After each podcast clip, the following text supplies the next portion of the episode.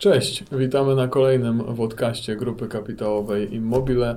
Dzisiaj z nami Jacek Podleski, prezes e, Fundacji Podtulickiej. Podtyli, pod... To jest trochę bardziej skomplikowane. Przyjmijmy, że funkcjonalnie tak. Funkcjonalnie tak. Oprócz tego można powiedzieć rolnik. Też. Też. Z Kujaw. Z Kujaw, ale to może nie, sp- nie spoilerujmy. Na pewno zaraz, Opowie zaraz gość o sobie opowie. I prezes Grupy Kapitałowej Immobile Rafał Jerzy, któremu rolnictwo też obce nie jest. Tak jest. Em, Dzisiaj porozmawiamy o tym, jak e, dotacje rozregulowują rynek w niektórych obszarach i czy. Zobaczymy, pozastanawiamy się. Polecamy nasz e, podcast pewnie sprzed roku o tym, dlaczego my jako grupa kapitałowa Immobile nie bierzemy dotacji. E, A dzisiaj z racji tego, że mamy gościa, który e, specjalizuje się w wytwarzaniu żywności, porozmawiamy o tym, czy to, co dzisiaj słyszymy, czyli powiedzmy rozregulowanie, bardzo duży wzrost cen nawozów, problemy polskiego rolnictwa, e, czy to może być kolejny czynnik, który, przez który będziemy mieli inflację w następnych okresach, czy, że, czy ona przyspieszy. Także e, może najpierw mm, jakby, żeby wszyscy wiedzieli, e, z kim rozmawiamy, to oddaję głos gościowi, żeby trochę przedstawił, nakreślił, czym się fundacja zajmuje, czym się zajmuje prywatnie. Hmm. Dzień dobry, witam Państwa. E, dziękuję za zaproszenie, to po pierwsze. Bardzo E, nam miło. Te, historia moja jest oczywiście skomplikowana, jak większości ludzi. Skończyłem tutaj z obecnym prezesem trochę parę lat później ten sam Wydział Rolniczy na ATR-ze. A stąd się znacie? Stąd się też znamy. Okej. Znamy się również z paru innych elementów, powiedziałbym, towarzysko-rodzinnych. E, moja droga e, zawodowa potoczyła się w sposób dla mnie niespodziewany, dlatego że e, to jest przykład na to, że trzeba wsiadać czasami do tramwaju, który podjeżdża, drzwi otwiera i można z niego skorzystać albo nie. Myślę, że mogę się zdefiniować jako menadżer. Chociaż pracowałem we, w różnych czasach i na rynkach wschodnich, w, w, w koncernie międzynarodowym, pracowałem w urzędach, na stanowiskach kierowniczych, w centralnych urzędach państwowych. Pracowałem w spółkach Skarbu Państwa, w zarządach y, i trafiłem na koniec y, do takiego ciekawego tworu w branży żywnościowej, rolniczej, który się składa z, z, z kilku, kilkunastu elementów, w sumie stanowiących ponad 7 tysięcy hektarów, to jest na warunki polskie sporo. Sporo. E, Ale z- masz również swoje 120 Mam również hektarów. swoje rodzinne, że tak powiem, sentymentalne 120 hektarów, które staram się również e, odpowiednio wykorzystywać, jak najlepiej umiem. Mm, ale to jest, traktuję to jako hobby, taki dodatkowy jakiś tam powiedzmy twór. Generalnie zawodowo zajmuję się zarządzaniem e, tym dużym e, tworem żywnościowym zlokalizowanym pod Bydgoszczą, który ma specyficznego właściciela, który ma specyficzną, bardzo ciekawą historię e, i przez to też no, dosyć wyjątkową pozycję startową i wyjątkową pozycję na tym rynku. I też powiem od razu, że jestem tu już od 8 lat i nie trafiłem dlatego, że było bardzo dobrze, tylko trafiłem, że było dlatego, że było bardzo źle i trzeba było ratować, restrukturyzować ten, myślę, że z umiarkowanym sukcesem, można tak powiedzieć. E, No i tyle. Tak, mamy, mamy, mamy czas. Sprawdziłem wyniki za ostatnie 3 lata e, gospodarstwa Fundacji Potulickich. Wyniki są bardzo dobre. Także mogę tylko pogratulować. No, wyniki, no, to jest, ale to jest, e, jak każdy menadżer mogę powiedzieć, że fajnie jest, jak osiąga się albo przekracza się cele, które sobie przed sobą się stawia.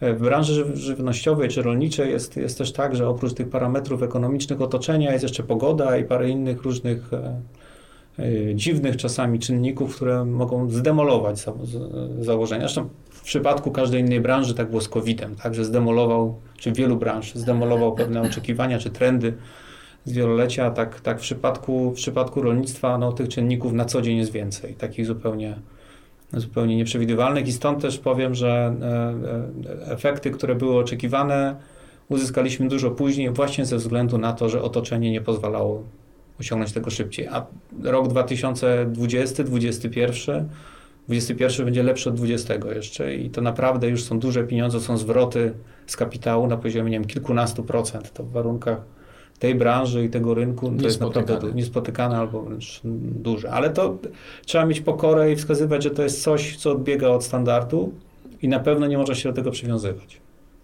No a jeżeli chodzi o to, czego można się spodziewać trochę później, bo e, odczuwacie to zamieszanie na, na, na przykład na rynku cen nawozu, czy energii, czy już później gazu i tak dalej? Y, Oczywiście, że odczuwamy, z tym, że y, jak gdyby zastanawiamy się nad możliwymi scenariuszami, co się będzie, co się będzie działo z naszym otoczeniem gospodarczym i staramy się zabezpieczać, uniezależniać od tych, od tych zmian i na przykład w tej chwili ceny nawozów nas przerażają, ale dla nas to już jest rok 2023, bo na 2022 jesteśmy zaopatrzeni Okej. przed tymi wzrostami. Czyli na przykład to y, pokazuje, że y, można szukać jakichś rozwiązań w momencie, kiedy ma się odpowiedni standing finansowy, kiedy ma się zabezpieczenie płynnościowe, tak, można szukać, y, trafiać w te trendy, czy próbować trafiać w trendy, które uniezależnią od bieżących jakichś nagłych zmian.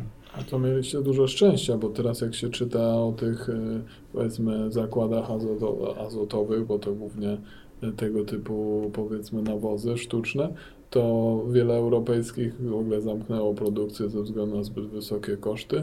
Polskie to praktycznie nie mają nic na magazynie, tylko od razu Na bieżąco sprzedaż. na Tak. bieżąco sprzedaż. To w ostatnim momencie żeście... No tak, no w- nie wiem, jakiś przykład, Zapasy. przykład prosty, to nie wiem, e, saletra amonowa, podstawowy nawóz azotowy, tak, e, my kupowaliśmy, już teraz nie pamiętam szczegółów, ale pomiędzy 1000 a 1300 zł, teraz jest chyba około 3000 cen. Tak, I to w tak, przeciągu, nie wiem, 3-4 miesięcy się wydarzyło, także to pokazuje tą dynamikę. No i oczywiście jest pytanie, co dalej, tak? A z Twojej perspektywy, to jakie mogą być przyczyny tego wzrostu? cen? Przede, przede wszystkim, e, przede wszystkim e, no, jak, jak we wszystkim jest kilka czynników. E, Tu nie ma mowy o żadnym trendzie, bo ten trend się rozchwiał właściwie. Uczymy się od nowa otoczenia, uczymy się od nowa świata, uczymy się od nowa gospodarki i wszyscy się zastanawiają, co będzie jutro. E, Oczywiście obiektywne jest to, że zmieniły się ceny energii, szczególnie gazu, tak? I tutaj przy produkcji nawozów azotowych, które się właściwie jest e, reakcją chemiczną, przetwarzaniu gazu ziemnego na, e, na jakiś tam nawóz azotowy. To jest czysto reakcja chemiczna, czyli nie wiem, kilkadziesiąt procent, 60-70% ceny nawozu to gaz. E, e, Dwa, no to to jest e, otoczenie, znaczy to, to też jest ciekawe, bo to może rozwodzić się naprawdę bardzo szeroko. Każdy nawóz ma trochę inną, innymi zasadami, jeżeli chodzi o kształtowanie cen się. To są nawozy, które są kopalinami, na przykład fosforany. Są nawozy właśnie, które wprost produkowane są, przetwarzane są na przykład z gazu, tak jak ta saletra. I tutaj często do tej pory było tak, że rządziło, że to był rynek wewnętrzny, decydował o cenach tego, ty, tych nawozów. Mocznik, na przykład inny nawóz azotowy, to z kolei rynek światowy determinował, dlaczego tam 6 czy 8 czy 10 jest producentów na świecie i zawirowania w Chinach powodowały zmiany cen w Europie, na przykład. Saletra, tak jak mówię, była bardziej lokalna. W tej chwili e, z jednej strony mamy ceny gazu, z drugiej strony mamy spekulacje o tym, co się wydarzy jutro i bardzo wielu, bardzo wielu to e, można powiedzieć e, przewiduje, bardzo wielu graczy, istotnych graczy na tym rynku buduje zapasy. Bo, bo, bo przewiduje, przewiduje że, że, że ten trend się utrzyma, że będzie tak drogo albo drożej, że po prostu e, pociąg pędzi i trzeba teraz wsiąść, bo za chwilę będzie jeszcze gorzej. Znaczy podobno to w ogóle dlaczego ja wtrąciłem to, Mhm. że to dotacje rozregulowują w pewien sposób rynek, bo z jednej strony na przykład wzrost cen gazu e, są takie, takie opracowania, że to jest też pokłosie e, tej nowej polityki powiedzmy OZE, bo gaz został uznany za powiedzmy za Mhm. bardziej zielony, jest dużo go spalanego No to jest przejściowe, to, jest przejściowe paliwo. To, jest przejściowe, a dotacje to na przykład teraz podobno na przykład Chiny zakazały e, eksportu saletry, dlatego że Indie, mając rok wyborczy, e, zwiększyły trzykrotnie dotacje do właśnie nawozów sztucznych e, Mhm. dla swoich tam gospodarstw rolnych i ściągają tego z całego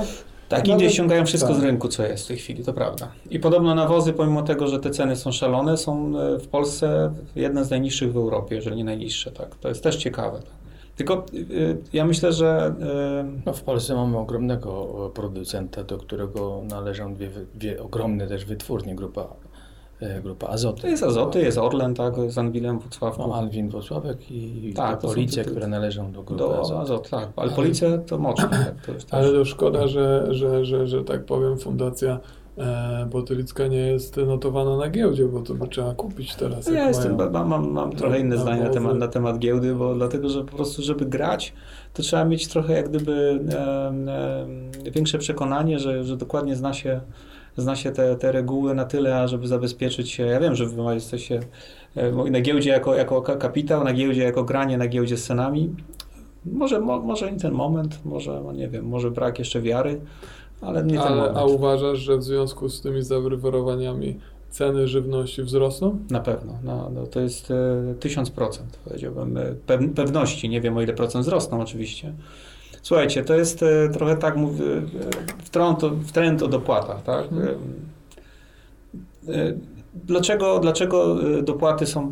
W ogóle to jest przy tej historii dzisiejszej, gdzie Polska ma zawirowanie w Unii Europejskiej różne. Jeden komunikat jest pewien. Wszystkie konsekwencje obcinania funduszy unijnych nie dotyczą dopłat. Dlaczego? Dlatego, że dopłaty są gwarantem i wydaje mi się, że jest w tym dużo prawdy, że w Europie będzie produkcja żywności na określonym poziomie. Po prostu Europa jest za droga na to, żeby konkurować z innymi rynkami, a jednak e, cały czas jest poczucie tego, bo to nie chodzi o sprawy socjalne, żeby utrzymywać tych rolników tam na tych wsiach, żeby Mhm. tam te woły gonili. Tylko chodzi po prostu o to i pandemia... Żeby zachować żeby- spokój społeczny. Spokój społeczny kiedyś był bardzo ważny, tak, bo nie było wysokie bezrobocie i tak dalej, i tak dalej. Dzisiaj bardziej chodzi o to, żeby się zabezpieczyć e, przed e, e, nieprzewidywalnymi elementami związanymi z takimi czynnikami nieprzewidywalnymi jak COVID na przykład, gdzie łańcuchy dostaw mogą się przeciąć nagle.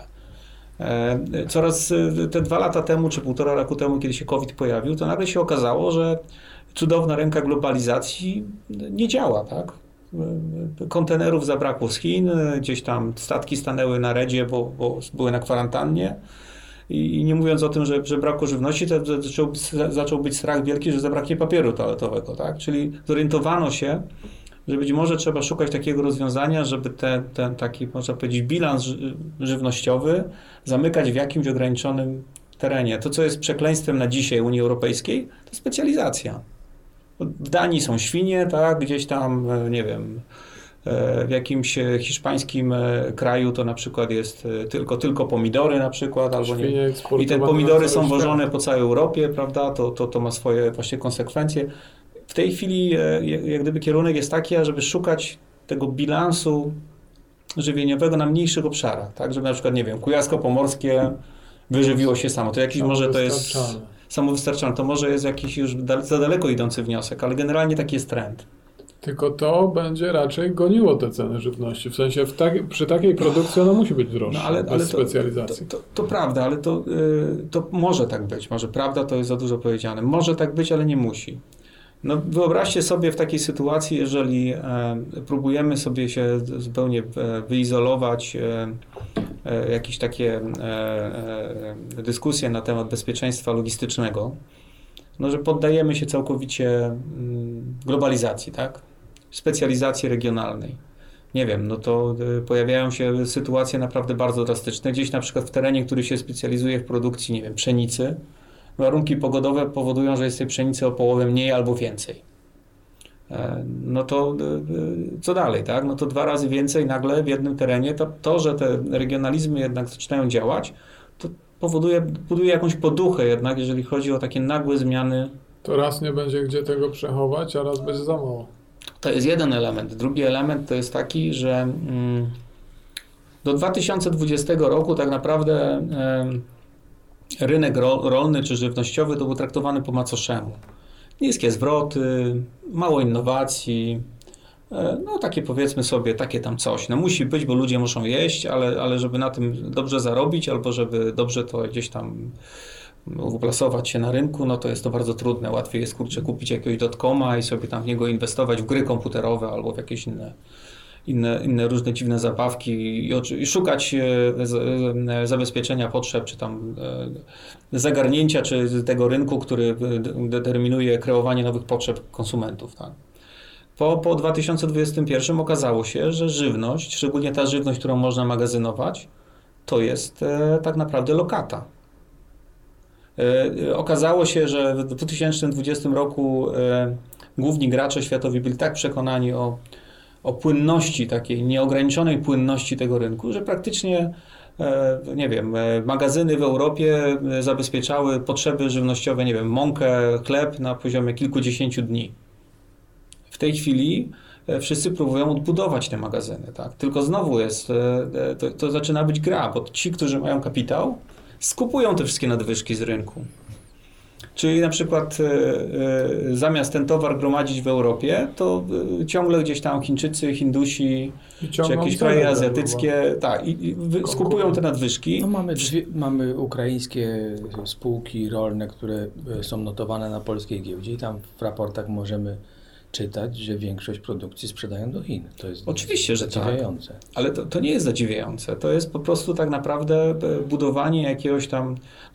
Dzisiaj, nie wiem, pszenica czy kukurydza to jest porównywalna lokata, nie wiem, do, do złota, do, do, do, do, do stali nawet, tak. W tej chwili tutaj były też straszne wzrosty, ale to się chyba kończą, już już zaczynają spadki się. Czy, czy tego typu różnych. e, Tylko niech nikt, jak, jak, jak będzie głodny, nie będzie próbował zjeść. Nie, nie, nie o to chodzi, to jest po prostu lokata, tak? To, czy, Tak, to jest, tak, czy, to, tak. że to akurat daje się A jeść, to nawet jest, na no, ciężkie czasy lepsza. Nawet na ciężkie Może. czasy, bo, bo tak naprawdę po co komu stali, jak jest kryzys, tak? Jak Nie, ma nie, ma, nie, ma, nie można inwestować i nie ma co jeść. E, No tak, tylko że to, to jest też, jak się zmienia świat, nie? No po prostu e, wszyscy na całym świecie chcą tak żyć jak, jak w Hollywood, tak? Czyli po prostu mieć duży dom, mieć, nie wiem, wielką lodówę za, zaopatrzoną, basen, wielki samochód i tak dalej. I to oglądają te filmy i, i ta Australia, czy Azja, czy, czy do tego dąży. E, Ludzie 100 lat temu w Europie głodowali. E, Wojny, różnego rodzaju historie, tam powiedzmy z, jakieś e, degradacyjne, wiel- wielopokoleniowe, jak taka przysłowiowa Galicja, czy jakieś tam wschodnie, wschodnie rubieże Polski. Tam był po prostu rzeczywisty głód. To o co chodziło? Chodziło o to, żeby się najeść. Tak? Najeść się, co było najtańsze? Najtańsze były e, produkty bezpośrednio pochodzące z ziemi, tak? Jakieś zboża, różnego rodzaju mąki i tak dalej, te placki, nie placki, ryże i tak dalej w różnych częściach świata. Jeżeli ludzie się już najedli, stać ich było na to, żeby jeść lepiej, marzeniem ich było jeść mięso. Jedzenie mięsa powoduje, że z jednostki powierzchni ma się trzy razy mniej e, żywności, tak? Jak się już człowiek naje mięsem, no to wtedy mówi, że mięso jest beta, jak teraz słyszymy w Europie, weganizm jest modny, tak? Czyli produkujmy ekologicznie. Czyli znowu z jednostki powierzchni mniej, czytaj drożej, tak? Czyli musi być konsument, który za to zapłaci. A jeżeli przełożymy to na jakieś tam parametry światowe, no Chińczycy już zaczynają chcieć jeść te parówki, steki i, i różnego rodzaju inne kurczaki. No i oni ciągną z całego świata zboże, bo nie są w stanie wyprodukować tyle zboża, żeby te setki milionów ludzi wykarmić mięsem. Nawet świnie zdanie ciągną. Wszystko, wszystko z całego świata, gdzie tylko można, z Brazylii i to jest, i to, jest to. Czy ktoś jak jest głodny, to się zastanawia na przykład e, jakie są parametry produkcyjne, czy stosowane są pestycydy, czy jakieś, wiecie, to jest, e, to jest taki, tak, lepiej no to, jest, to, są takie fajne dylematy ludzi bogatych. To są fajne dylematy ludzi bogatych, które mogą, którzy sobie mogą pozwolić ludzie, którzy, którzy są najedzeni. Ale do czego zmierzasz? Ale obawiasz się, że te powiedzmy zerwania powinniśmy- łańcuchów dostaw, ta inflacja, że, że może zaprowadzić to ten na przykład głód? większą skromność, bo marnotrawstwo żywności A to jest ogromne. marnotrawstwo to jest, e, no macie hotele, wiecie ile wyrzucacie żywności, tak? To, to, Znaczy, nie, nie wolno nam nic innego z tym robić, jak No, tego ale to- nie wolno. to jest- Nawet nie wolno nikomu oddać. Ale chodzi o to, że ci wasi klienci, konsumenci, tak, oni nie czują żadnego problemu z tym, że tyle, nie wiem, resztek po ich posiłkach trafia do kosza, tak? Oni- nie mają z tym problemu na razie, Żadnego. tak? Żadnego, prawda? No i to jest tak naprawdę dy- dylemat taki, że co, co może zrobić dostawca jakichś usług czy produktów, jeżeli te, ten odbiorca tych usług ma określone potrzeby, wyobrażenia i chce, chce z tym robić. Ja Ale chciałem- powiem, powiem jeszcze no. jako, jako producent. Jako producent w zasadzie obojętnie co by się na rynku y, nie działo, to na tobie się te zmiany skupią, na, na bezpośrednio producencie, bo dystrybutor, ten co skupuje, musi, musi, musi marżę swoją on nałożyć. musi swoją marżę nałożyć, taki wielki kargil, on sobie to wszystko wyreguluje, poprzerzuca między rynkami, a ty jako lokalny, duży, ale lokalny producent, jeżeli będą y, bardzo mocne zmiany rynkowe, to ty będziesz miał, będziesz ponosił zawsze tego konsekwencje. Oczywiście. Bo mówisz, że 2021 będzie taki korzystny e, cenowo, ale też sam doskonale wiesz, że bez dotacji do hektara to rolnictwo w Polsce nie byłoby rentowne. No, generalnie w Unii Europejskiej Eurostat chyba podaje, że, że 60% e, dotacji to jest dopiero zysk branży rolniczej. Tak? Czyli bez tych dotacji średni e, wynik branży byłby ujemny. No to, to, to są dotacje, co- to nie są inwestycyjne dotacje, to jest tak, na- można powiedzieć, Podtrzy- pajda, pajda podtrzymująca tak naprawdę, e, utrzymująca sektor, tak, w jakiś sposób. Tylko, że Ale mamy rejony w Europie, gdzie bez dotacji ta produkcja rolna jest rentowna, jak na Ukrainie. Ale nie w Unii Europejskiej. Znaczy, to- to, jest, to, to, to nie jest takie proste, to, tak? to nie jest zero-jedynkowe, bo e, dlaczego ona na Ukrainie jest rentowna? Dlatego, że Ukraina nie ponosi wielu kosztów. Bo to, to wielu kosztów związanych z różnymi regulacjami, z, z obecnością w Unii Europejskiej, z, z kosztami energii, tam może teraz już Tak. coraz wyżej, ale to jednak ciągle nie jest to, co my. Tanio. Nie ma tych akcyz, podatków w takiej, w takiej wysokości. To prawda. Jest szara strefa, która jest masowa, tak? Są różne inne uwarunkowania, które powodują, że. e, że ale to, to, to nie jest, to nie jest e, jakiś pewnik, tak? Ale tak dalej będzie, jako nie? producent nie uważasz, że, e, e, że obecnie żywność jest zbyt tania? Oczywiście, że uważam, że żywność. Znaczy, dzisiaj może bym tego nie powiedział, że jest zbyt tanie, dlatego że jesteśmy na takim e, etapie, że trend wzrostu cen produktów rolnych wyprzedził wzrost cen kosztów. Teraz te koszty dopiero dochodzą.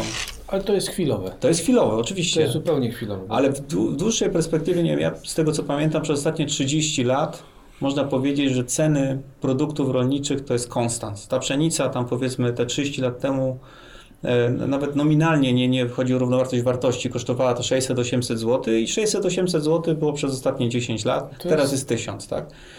Nadrabiało e, e, bilans ekonomiczny, e, postęp e, biologiczny, postęp technologiczny i ciągle e, te po prostu jednostkowa produkcja rosła, tak? no, wolumen rósł. W ostatnich latach to się wyraźnie zaczęło zatrzymywać przez zmiany już odczuwalne, jednak moim zdaniem trendy klimatyczne, nie powiem zmiany, trendy. To jak mi kolega z, z Komisji Europejskiej powiedział, że e, to nie jest e, e, zmiana klimatu, to nie oznacza, że temperatura rośnie albo maleje, tylko jest wzrost zdarzeń nagłych, powodzi, susz, posłuch, tam różnego rodzaju deszczów nawalnych.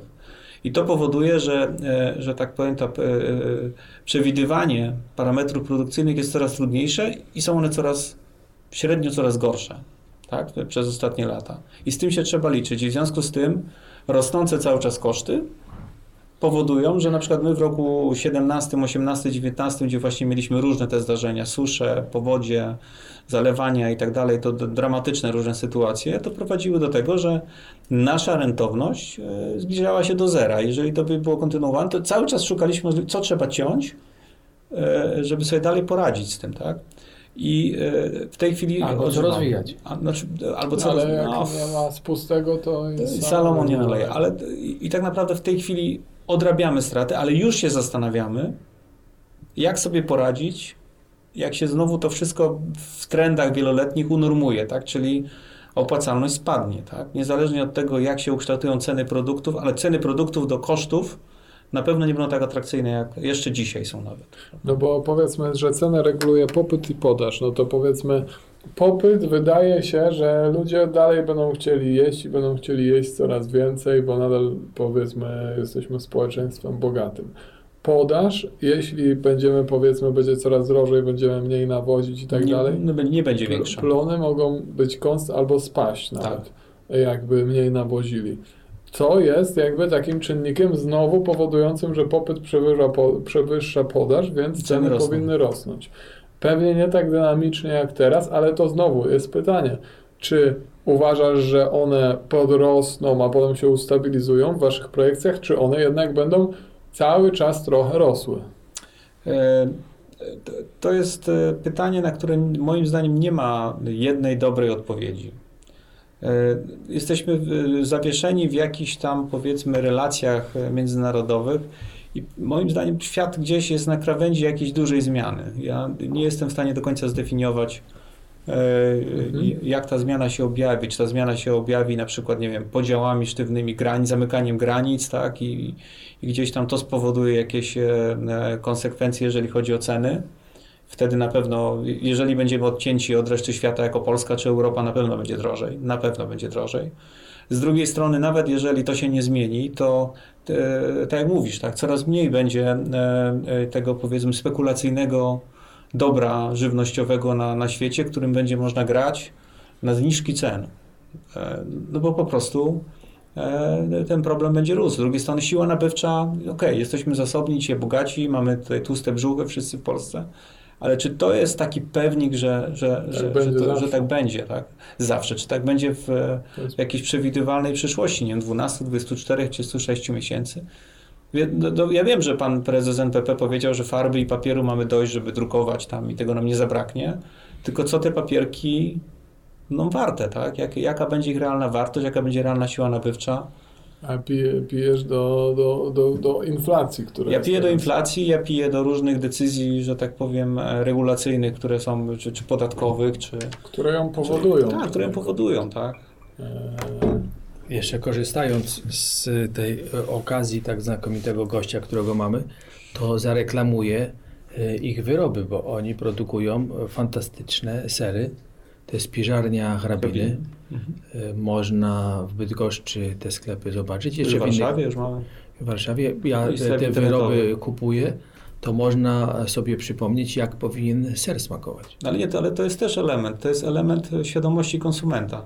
Ten ser jest produkowany, to jest też przykład taki, to jest ser produkowany rzemieślniczo. Tam nie ma konserwantów, nie ma wielkich linii technologicznych, to jest naprawdę handmade, można powiedzieć, natural made, nie wiem, jak, jakkolwiek, czy tam na bazie jakichś tradycyjnych receptur, ale powiedzmy e, taka technologia produkcji powoduje, że ten ser jest, nie wiem, cztero, pięciokrotnie droższy niż ser, nie wiem, w Lidlu, Biedronce czy jakimś tam dyskoncie innym.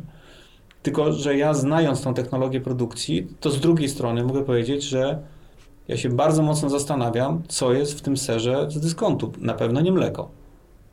I to jest, wiecie, to jest też pytanie, tak. No na kilogram sera potrzeba 10, 10 litrów mleka. 10 litrów mleka. No ale litr mleka w hurcie kosztuje, nie wiem, pomiędzy 1,5 a 2 zł, tak? No to 2 zł, to 20 zł kosztuje tylko samo mleko. No, no a ile kosztuje sera. ser w sklepie w takim Lidlu dyskoncie najtańszy? Podejrzewam, że około do 30 zł za, za kilogram. No to Mhm. wiecie, ta cała technologia, przerób, nie wiem, marketing, e, dystrybucja, no przecież to są z, e, no, no dużo wyższe koszty. No tam musi być jakieś e, no, uproszczenie tak, tej receptury. Wyroby seropodobne.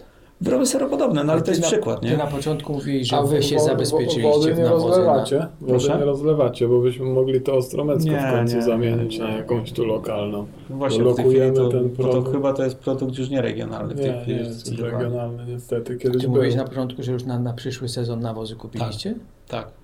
No, no to czyli, czyli y, nie masz szczęście, tylko sobie szczęście zorganizowałeś. No tak, ale w tej chwili... Czyli wychodzi z założenia, że pecha można mieć, ale szczęście trzeba sobie Nie, ale to, zorganizować. to jest w- zupełnie oddzielny temat. Nie wiem, czy nie, można, naprawdę można długo rozmawiać, bo to jest. Ale jak, skąd podjąłeś taką decyzję? Bo normalnie przedsiębiorstwa chcą działać na powiedzmy jak najmniejszym kapitale obrotowym netto i to jest odważna decyzja, żeby ale zainwestować w to, jest, zapas to, to jest trochę jeszcze inaczej, dlatego że my, my staramy się obserwować rynek. Rynek nawozów e, rządzi się też oprócz tego, co jest dzisiaj szaleństwem. To nie jest normalne, co się dzieje na rynku. To nie jest e, standardowe. E, Po prostu są okresy w roku, kiedy standardowo nawozy są tańsze i droższe. My tak czy inaczej po prostu kupowaliśmy zwykle nawozy na kolejny rok w miesiącach letnich. To jest taka trochę. E, Czy, czy to jest. e, Tak po prostu jest i to trochę To wynika, tańszy to, trochę wynika z, z popytu na te nawozy. Nie, to tańszy gaz to jest jedno, ale na przykład e, firmy na- nawozowe na przykład podnoszą ceny na jesieni. Dlaczego? No bo rolnicy na przykład dostają wtedy dotacje albo sprzedają swoje płody rolne, czyli stać ich na to. No kupują i kupują, bo muszą zaraz to wysiać na pole. Tak? Tak. I po prostu mają kasę, mają obrotowe środki na to, żeby to zrobić. A w pozostałym okresie ten rynek jest bardziej jałowy. On tak naprawdę, jeżeli ktoś ma towar i chce go upłynnić, no to musi tą cenę obniżyć w stosunku do tego, co jest w tym No najlepszym okresie. Tak? Podobną sytuację mieliśmy przy sprzedawaniu tych e, maszyn typu suszarnie, bo w Makrum przecież produku, produkujemy suszarnie między innymi dla zakładów azotowych i też z reguły tam ten powiedzmy czwarty, trzeci, czwarty kwartał to był taki, żeby Najlepszy, jeszcze nie? podjąć decyzję inwestycyjną. Wiadomo, maszyna się trochę robi, ale już jest zabudżetowana. W, pod koniec danego roku, także Czyli to się, to się, my to robiliśmy standardowo co roku, a, a że akurat w tym roku tak wystrzeliły te ceny, no to jest taki e, fajny przypadek, nie? Akurat, ale wie, pytanie, co będzie za rok, czy nie będzie odwrotnie, tak? ale nie, nie, chcę, No. nie chcecie zahandlować teraz tą saletrą? Nie, nie, myślę, A ty myślę z, że nie. ze swojego doświadczenia na tym dużym areale i na tym areale 120 hektarów nie uważasz, że ta produkcja rolna do pewnej skali nie może być po prostu opłacalna? Znaczy ta skala na pewno i, i ten poziom na pewno się podnosi. Bo wiecie, to jest wariactwo socjalne, tak? To jest wariactwo tak. socjalne, tak? E, W Unii Europejskiej jest e, takie sustainability, tak? Czyli to jest powiedzmy trzy, trzy obszary, e, o których można dyskutować. To jest ekonomia, to jest środowisko i to są sprawy, powiedziałbym, społeczno-socjalne, tak? I o ekonomii mówiliśmy, o, o, o powiedzmy o środowisku trochę mówiliśmy, a, a, a socjalnie demografia no, zabija nas, tak? Nie ma ludzi do pracy. Czyli tak naprawdę, powiem inaczej, taki prosty przykład, żeby dla każdego był on zrozumiały. My mamy tam te 7, powiedzmy 5 hek- tysięcy hektarów gruntów ornych, łąki i tak dalej. Mamy, nie wiem, kilkanaście traktorów. Mamy trzy kombajny. E, e, W momencie, kiedy mówimy o gospodarstwach, nie wiem, 50-100 hektarowych, to każdy ma kombajn i co najmniej 2, 3, 4 traktory, tak? To jeżeli przeliczymy po prostu zaangażowany kapitał chociażby, no to, to, to, to nawet nie ma jak porównać, tak? Koszt pracy, tak? Jeżeli my musimy płacić ZUSy, tak jak, jak wszyscy przedsiębiorcy, musimy wszelkie obciążenia wynikające z, z funkcjonowania ponosić, no taki rolnik, on nie liczy na przykład kosztu swojej pracy. On nie- on- on nie ma- pracy, ale no, kapitału. Kapitału, no bardzo, to jest tak naprawdę, e, czasami oni e, często funkcjonują nie wiedząc, czy zarabiają, czy dokładają do swojego interesu. Po prostu dopóki im starcza na płacenie bieżących potrzeb, to jest fajnie. Tak? No jest dlatego dobrze, nie? później to są tak wielkie tragedie, bo po, politycy się czymś tam pobawią, a dla rolnika, który nie odłożył tych pieniędzy, bo Bardzo po prostu nie mógł, Nie może e, no to dla niego to jest być albo nie być, dlatego może te reakcje są takie. Ale nie, ale to, to jest polityka, tak? Ja tego zupełnie nie rozumiem, bo to jest konserwacja tego układu tak zwanych gospodarstw rodzinnych, to jest uważam na dłuższej perspektywie fatalne. To jest fatalne, dlatego że To akcent powinien być albo Ale nie, ale to- specjalistyczny, albo Ale wielkotowarowy. nie, ale to prawda jest taka, że, że w tych wszystkich e, e, uwarunkowaniach e, gdzieś tam na Mało, w Małopolsce, czy tam nie, w tym, tam, gdzie do- dominowały małe gospodarstwa. Ja byłem e, w wiosce, skąd pochodzi e, babcia mojej małżonki, gdzieś tam pod Tarnowem. I tam te gospodarstwa są faktycznie nominalnie 3-4 hektarowe, ale jeden rolnik bodajże obrabia całą wioskę, tak? I, I to jest tak naprawdę nominalnie, statystycznie jesteś, i, i nie ma mowy, tak? To po prostu, żeby to, żeby to zmienić, bo inaczej to, to, to tych gospodarstw nie ma. Tak to będzie od, odłogiem leżała ta ziemia. Nie są ci ludzie, oni są w Stanach, oni pracują w Krakowie, gdzieś tam, nie wiem, w Tarnowie, ale że tak powiem statystycznie, jak idziemy do GUS-u, to średnie gospodarstwo w Polsce ma 10 hektarów, tak? To to, jest jakaś taka paranoja, konserwacja, bo dalej ci ludzie biorą te dopłaty, bo jakby ten duży wziął, to mu tam obcięli, bo nie wiem, czy wiecie, w tej chwili w Polsce jest na przykład limit 150 tysięcy euro dopłat, to mniej więcej jest 1350 hektarów. Jak ktoś ma więcej jak 1350 hektarów, to każdego następnego hektara jest zero. No ale to są wady, to jest polityka, tak? To jest polityka. Jeżeli politycy wręcz ograniczają tak, wielkość gospodarstw e, regulacyjnie, nie możesz mieć więcej legalnie w Polsce jak 300, nie możesz kupić 300 hektarów ziemi, bo e, no bo nie wiem, no bo ta ziemia trzeba rozdać ją najlepiej albo sprzedać rolnikom, tak? Tylko skąd ci rolnicy mają mieć kapitał, tak? Na to, żeby z, pię- z 5 hektarów, okej, 90 lata, się, jak mi kiedyś powiedział jeden kolega, to się zdarza raz na 300 lat, że rozdają, mogą się tworzyć fortuny z niczego, tak? I trzeba się e, załapać ciężką pracą, szczęściem. Szczęście, żeby Ale, się urodzić, ale, ale to trzeba była paserka. No dobrze, to, co to było, to było, ale było taki moment, że To można była było. paserka. Ale, Ale no, trzeba- co, można się było zaczepić albo nie, tak? Ale trzeba było się też urodzić w odpowiednim momencie. Ale, ale twój Ale- ojciec się nie zaczepił, a mo- możliwości dowolne. Znaczy mój ojciec to miał większy problem, bo mój ojciec miał około 100 hektarów i cały czas walczył, żeby nie było 100 i 1 dziesiąta, żeby mu tej ziemi nie zabrano, tak? Bo to wtedy były takie regulacje, tak? A powiedz, no to jaka by była recepta, jakbyśmy powiedzmy mogli coś doradzić, to, to receptą uważasz byłoby uwolnienie po prostu tego rynku rolnego. Mo- Moim zdaniem to się będzie działo, czy ono będzie formalne, czy nie. To, I kapitał, i ludzie w Polsce są kreatywni, tak? I moim zdaniem to, to, to się dzieje i będzie się działo. Znaczy ja powiem też przykład. Kiedyś e, pracując w jednym z urzędów, e, właśnie uczestniczyłem, czy byłem świadkiem takiej awantury. w zachodniopomorskim, tak, gdzie tam jakiś e, te, te rolnicy podnosili wielka awantura, że tam kapitał belgijski, czy tam duński, czy tam nieważne jaki, niemiecki, tak, wykupuje tą polską ziemię i ją tam... No i ja zapytałem tylko pana, no dobrze, nie, no ale to... o co panu chodzi? No, no ale pan nie kupił już tam tego, co można było kupić, tam nie 300-500 hektarów? Nie no, ja już kupiłem i to sprzedałem Anglikowi, ja chcę kolejne 500, nie? Żeby tam... I wiecie, i to jest taka trochę paranoja, nie? To jest taka paranoja... Że się znowu No. bawimy w jakieś paserstwo, czyli my będziemy teraz pośrednikami dla na przykład I zagranicznych. ja myślę, że my nie uciekniemy od pewnej rzeczy. Żeby, żeby osiągnąć pewien parametr efektywności, trzeba mieć parametr profesjonalizacji. Żeby mieć parametr profesjonalizacji, trzeba mieć kapitał. I, e, e, że tak powiem, e, zrozumienie potrzeb odpowiednie. Tak? Jeżeli my inwestujemy w maszyny, jeżeli inwestujemy w rolnictwo precyzyjne, zdjęcia satelitarne, w jakieś tam zbieranie miliona danych, budowanie różnych algorytmów do analizowania, że każdy kawałek ziemi potrzebuje czego innego. Żaden rolnik tam, nie wiem, 50 hektarowy nie jest w stanie tego zrobić, tak? Po prostu nie stać go na to. Nie ma możliwości ani technicznych, ani kapitałowych. Ale też nie ma nie- tylu zmiennych, które mógłby No był w stanie ma. analizować Ale za, to- mały, za mały obszar. I to jest, i to jest to, a my nie uciekniemy przed tym. No, po prostu musimy z, z, tego, z tego kawałka ziemi e, produkować, nie mówię, że więcej, ale bardziej efektywnie, tak? Albo zmniejszać koszty, albo zwiększać przychody. No, w dłuższej Ale to- perspektywie ten granie na spekulacjach jest naprawdę no, no, zabójcze, bym powiedział nawet. Ale to widzisz kogoś, kto, kogoś, czy jakiś instytut, czy ktoś w ogóle na tym korzysta. Mówimy powiedzmy e, kl- klasa średnia, czy tam powiedzmy prze, przeciętny, przeciętny Kowalski nie korzysta. Polscy rolnicy nie korzystają. To kto na, tych, na tym, tam gdzie Słuchajcie, to jest takie, jest takie korzysta. przysłowie, że, że lepsze jest wrogiem dobrego, tak? I po prostu większość ludzi chce stabilizacji, nie chce zmian. I, I to powoduje, że zmiana to okej, to jest zmiana, to na pewno ja za tą zmianę zapłacę, tak? Ja nie będę miał korzyści z tego. Każdy człowiek, Przeżyć.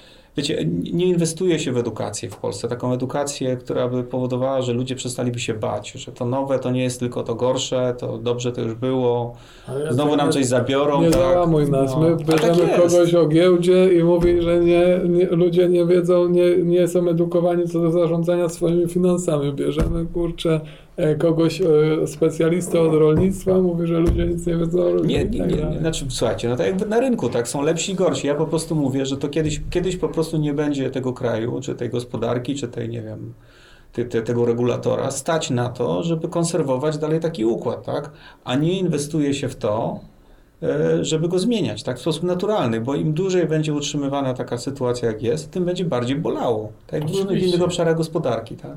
Tak. Oczywiście. No, no to, jest, to jest tyle, tak? To jest tylko tyle i aż tyle. No jeżeli dzisiaj chcielibyśmy, ok, no żywność, możemy sobie mówić różne scenariusze, wyobrażać, tak?